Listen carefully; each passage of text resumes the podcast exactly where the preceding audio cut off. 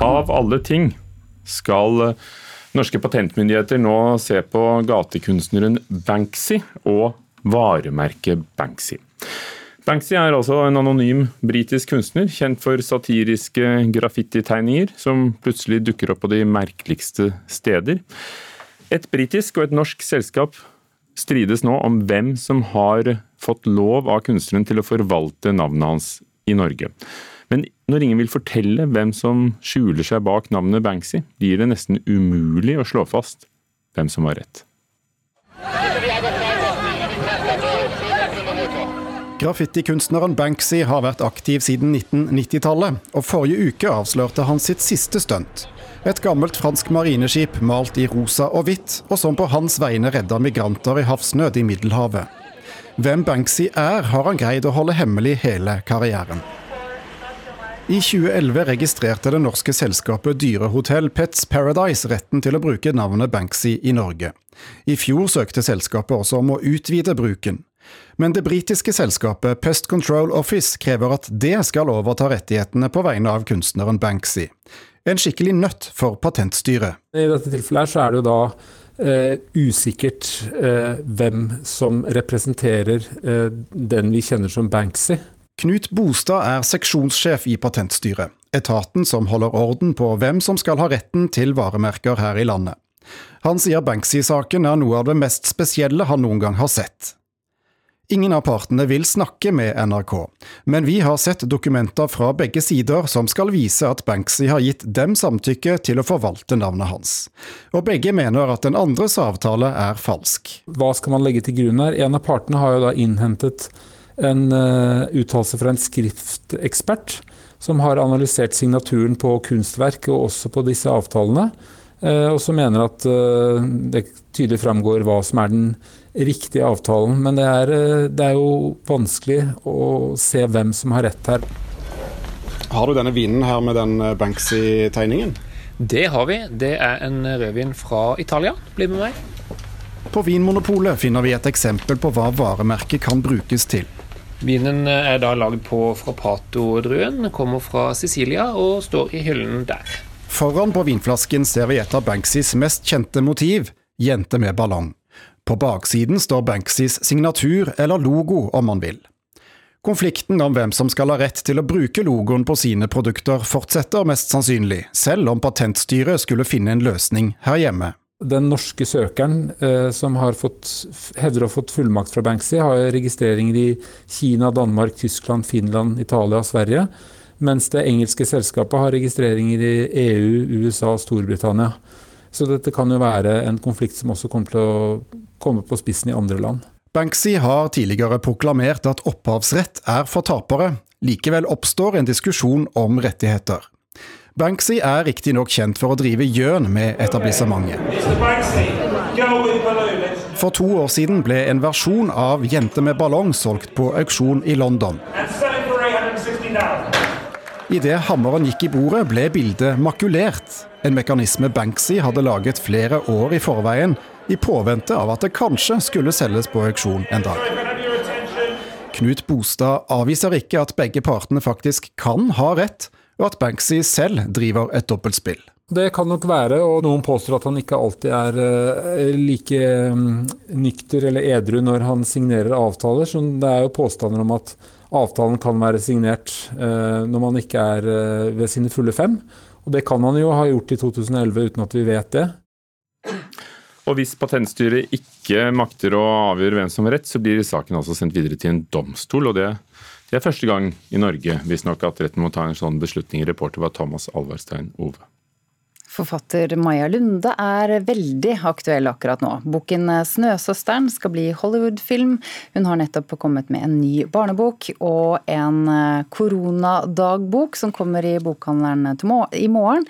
Og den 11. september er det premiere på musikalen basert på boken 'Bienes historie' på Det Norske Teatret. Her er en eh, smakebit fra prøvene til stykket.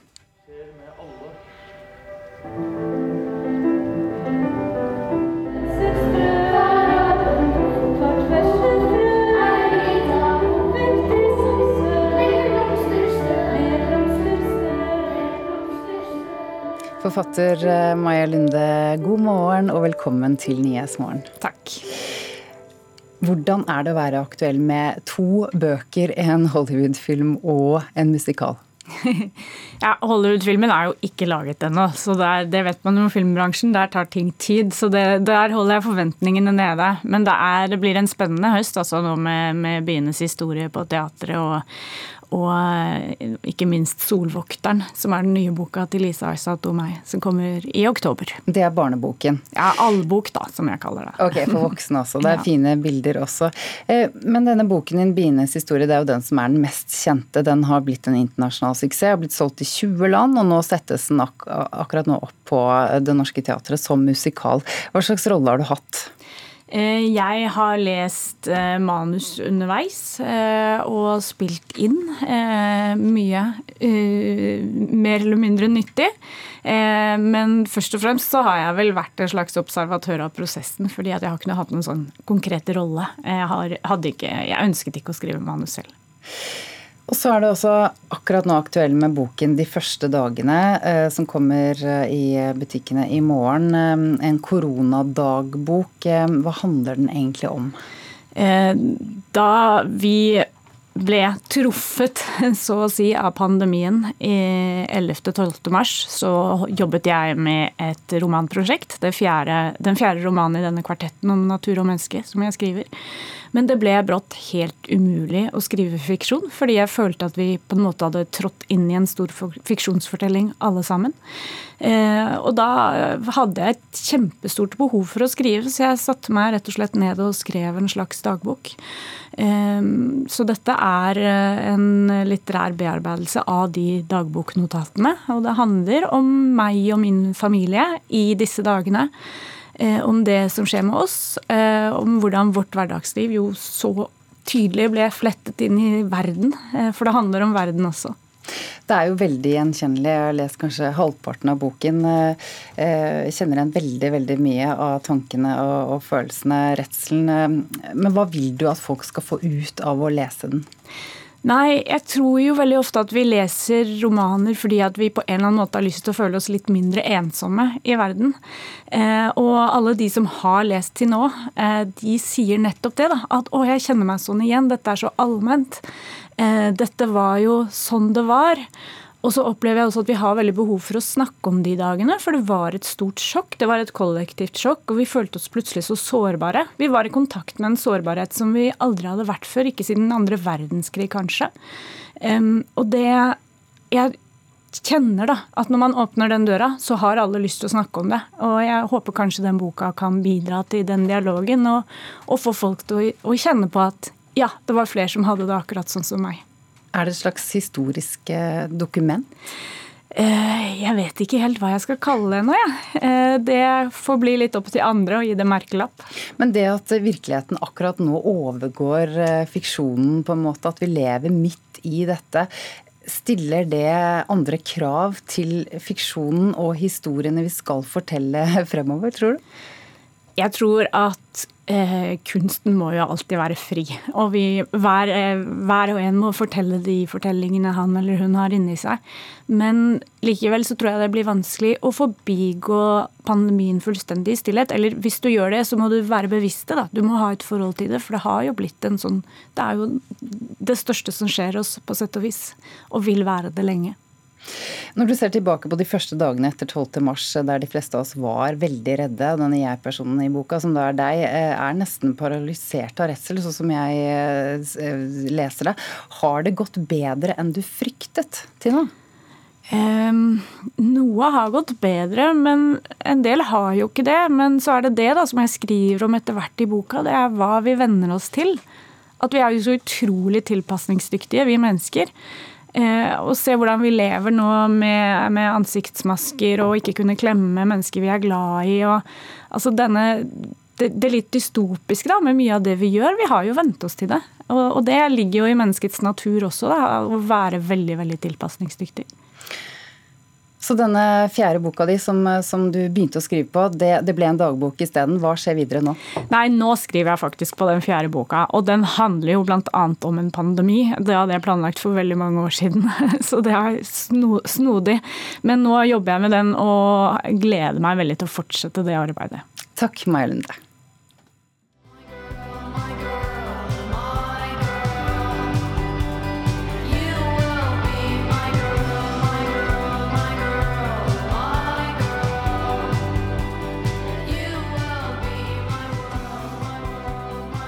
Det er ikke tilfeldig at vi spiller eh, låten 'We Fell In Love In October' av den norske musikeren Marie Ulven, kjent eh, som artisten Girl In Red. Musikken hennes er blitt et kodespråk for skeive jenter over hele verden, ikke bare på internett. Hvordan henger det sammen? Kulturreporter Oda Elise Svelstad. Flere av sangene til Girl in Red handler om lesbiske forhold eller det å falle for ei jente.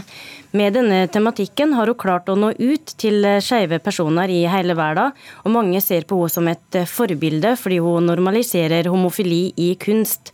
Det har videre ført til at mange skeive jenter har brukt, og fremdeles bruker låta I Fell In Love in October når de skal komme ut av skåpet, eller uttrykke at de har fått jentekjærest. Eh, det mange gjør da, er å laste opp en film eh, på Instagram eller TikTok, der en er sammen med kjæresten sin. medan eh, låta spiller i bakgrunnen. Så dette er blitt utrolig mye mer enn bare en sang? Ja, for eh, etter hvert eh, ble uttrykket 'do you listen to girl in red' brukt som spørsmål på om du er skeiv eller ikke. Altså hvis du f.eks. skriver 'do you listen to girl in red' i kommentarfeltet på en Instagram-post eller TikTok-post, så spør du egentlig om personen er skeiv eller ikke. Svarer personen ja, jeg hører på girl in red, så betyr det at han/hun er skeiv. Eh, og dette har blitt et svært eh, internettfenomen. Og da også politisk symbol mange steder. Ja, i London i England, Moskva i Russland, Sao Paulo i Brasil, New York i USA og i flere andre byer eh, det siste døgnet har det dukka opp eh, digre røde plakater med skriften 'Do you listen to girl in red?' Eh, disse, plakaten, disse plakatene kan nå tolkes som et symbol på den skeive bevegelsen, og for å vise solidaritet med LHBT-samfunnet. Eh, disse bilene sirkulerer nå på Instagram, og mange av de som tar bilder og legger, legger, ut eh, på sin profil, legger også til tekst som opplyser om rettene til eh, lesbiske, homofile, bifile og transpersoner. Girl in Red er altså Marie Ulven. Jeg vet ikke om hun helt skjønte hva hun satte i gang da hun skrev denne, denne sangen. og Hun ble også kåret til Årets Urørt i fjor høst. David eh, Copperfields eh, personlige historie er en av ukens eh, premierefilmer på kino denne uken. Den er basert på Charles Dickens' klassiske roman fra 1850. Likevel er den brennaktuell, mener NRKs filmkritiker Birger Vestmo. Whether I turn out to be the hero of my own story, or whether that station will be held by anybody else, these moments must show. Om du trodde at Charles Dickens var utgått på dato, må du tro om igjen. Den britiske regissøren Armando Iannucci har nemlig begått en forfriskende oppdatert filmatisering av forfatterens delvis sjølbiografiske roman fra 1850. David Copperfields personlige historie foregår riktignok i den samme tidsepoken, men skildrer fattigdom, undertrykkelse og klasseskiller sett gjennom 2020-briller. Filmen har en episodisk struktur som samla viser David Copperfields dannelsesreise reise og inspirasjonen til hans forfatterskap. Vi ser glimt fra hans ulykkelige barndom, den vanskelige tida på kostskole, hardt barnearbeid på fabrikk i London, nye muligheter i et advokatfirma og hans første forelskelse. Are you David Copperfield? I am indeed. What lies before you is a fight with the world, and the sooner you begin it, the better! Allerede i den friske starten signaliseres det at vi skal bli fortalt en forrykende teatralsk historie som går nærmest respektløst til verks. Den litterære klassikeren formidles nemlig flott og fargerikt med et lekende filmspråk. Den innledes som en slags teaterforestilling før den går over til et mer vanlig filmformat, men med flere lekre overganger og kulisseskift. Iannucci leker òg forbilledlig med sjangerens regler og konvensjoner, som overraskende rollevalg med et multi multietnisk ensemble, leda av en fantastisk Dev Patel i hovedrollen. Det snur opp ned på tradisjonelle skildringer og skaper interessante kontraster som røsker i fastlåste oppfatninger, siden man ser gamle klasseskiller fra nye synsvinkler. What's happening? Bailiffs! The debtor's prisoner waits! It's not your chicken! You're stealing an honest man's chicken! David Copperfields personlige historie holder seg tro mot den gjennomgående tematikken i Charles Dickens' roman, men fornyer den med frisk og frekk satire. Det her har vist seg å være Armando Iannuccis spesialitet i serier som The Thick of It og Veep, samt filmer som In the Loop og The Death of Stalin.